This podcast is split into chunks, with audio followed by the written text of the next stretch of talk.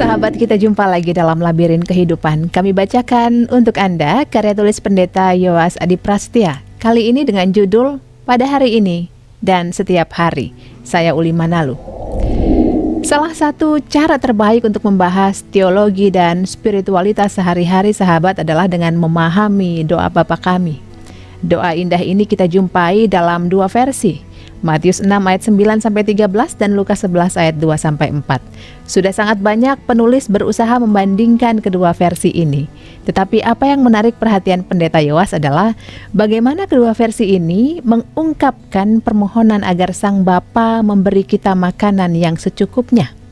Yesus di dalam versi Matius mengajar para muridnya untuk meminta makanan secukupnya pada hari ini. Sedangkan di dalam versi Lukas, makanan secukupnya diminta untuk setiap hari. Matius 6 ayat 11 menuliskan, "Berikanlah kami pada hari ini makanan kami yang secukupnya."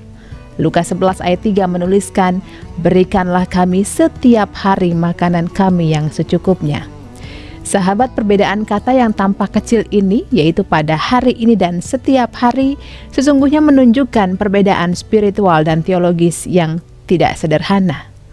Di dalam versi Matius, Yesus tampil sebagai seorang guru Yahudi yang sangat tegas mewartakan kedaulatan Allah yang kini olehnya disapa sebagai Bapa, bahkan Bapa kami. Kedaulatan tersebut dimiliki oleh Allah yang menguasai seluruh semesta, namun yang sekaligus begitu akrab dengan manusia berkat kehadiran Kristus. Dampak dari pengakuan atas kedaulatan Allah yang agung namun akrab itu adalah kesediaan dari pihak manusia untuk percaya bahwa Ia berkuasa penuh atas kehidupan kita.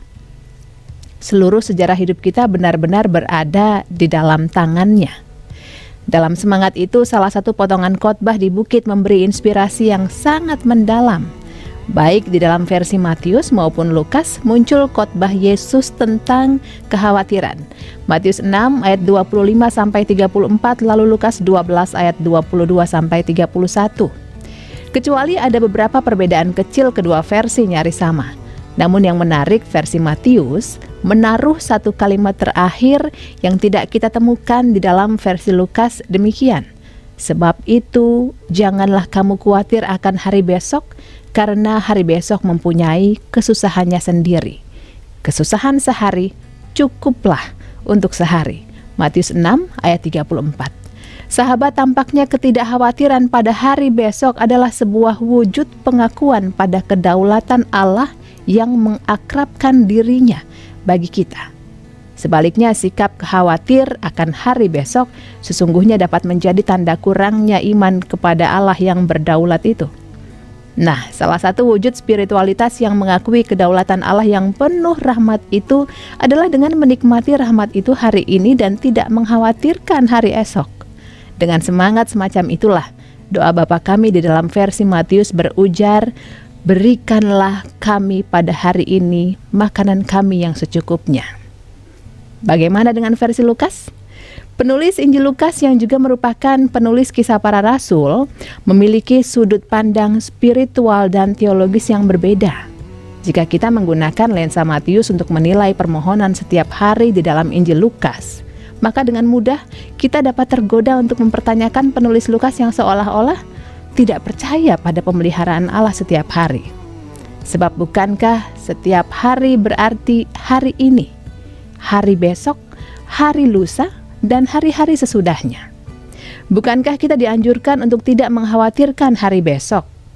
Penulis Injil Lukas sesungguhnya sangat menyadari bahwa penyerahan diri kepada Allah yang berdaulat itu harus terjelma ke dalam ketidakkhawatiran akan hari esok.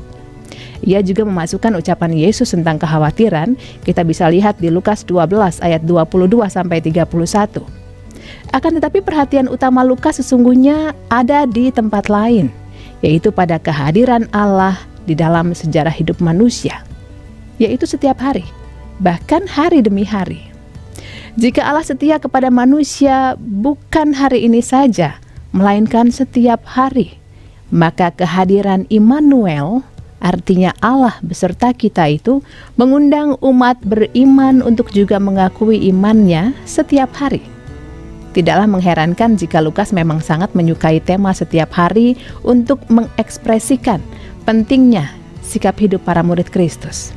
Itulah sebabnya dengan sangat sengaja penulis Injil Lukas memberi penekanan lebih pada panggilan mengikut Kristus dibandingkan dengan versi Matius.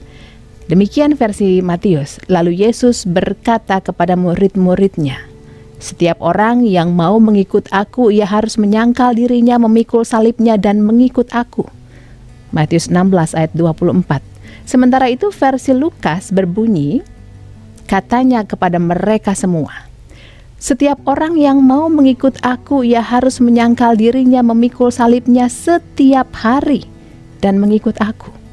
Lukas 9 ayat 23. Pentingnya setiap hari bagi penulis Injil Lukas sesungguhnya mencerminkan keyakinannya bahwa sebagaimana Allah menyatakan kesetiaannya dari hari ke hari, demikian pun orang percaya diundang untuk menyatakan imannya dengan penuh kesetiaan pula dari hari ke hari. Bandingkan ayat di Lukas 16 ayat 19, lalu pasal 19 ayat 47, pasal 22 ayat 53, kisah para rasul 2 ayat 47, pasal 16 ayat 7, pasal 17 ayat 11 dan pasal 19 ayat 9. Maka jelaslah perbedaan penekanan antara versi Matius dan versi Lukas. Yang satu menekankan kedaulatan, yang lain menekankan kesetiaan. Yang pertama memusatkan perhatian pada hari ini. Yang kedua mengajak pembacanya untuk percaya pada keterlibatan Allah di dalam sejarah hidup setiap hari. Sahabat, perbedaan sudut pandang antara Matius dan Lukas agaknya tidak serta-merta menggiring kita pada situasi harus menentukan satu di antara kedua pilihan tersebut. Sebaliknya, terlepas dari perbedaan tersebut, keduanya berujung pada sebuah spiritualitas yang sama, yang sekaligus berwajah ganda. Pada satu sisi, keduanya mengundang kita untuk bergantung pada Allah yang penuh rahmat, sedemikian rupa hingga kita selalu bermohon, berikanlah kami. Artinya hanya Allah lah yang memberikan kita makanan dan kehidupan, bukan yang lain. Pada sisi lain, doa ini mengajar kita untuk sungguh-sungguh merasa cukup pada apa yang diberikan oleh Allah. Makanan kami yang secukupnya. Singkatnya, doa Yesus ini mengajarkan sebuah spiritualitas ketergantungan dan spiritualitas kecukupan pada saat bersamaan. Sahabat dengan menautkan diri pada dua dimensi spiritual itu hidup kita lantas terbuka lebar pada cakrawala iman yang sungguh percaya bahwa kedaulatan Allah membuat kita tak lagi khawatir pada hari besok dan mampu berkata cukuplah hari ini saja. Sekaligus percaya pada kesetiaan Allah yang selalu memberi kita ruang untuk menanggapinya dengan penuh kesetiaan setiap hari. Demikian labirin kehidupan. Bagi sahabat yang membutuhkan naskah cetak lengkap, silakan menghubungi BPK Gunung Mulia. Terima kasih sudah meluangkan waktu Anda bersama kami. Sampai jumpa.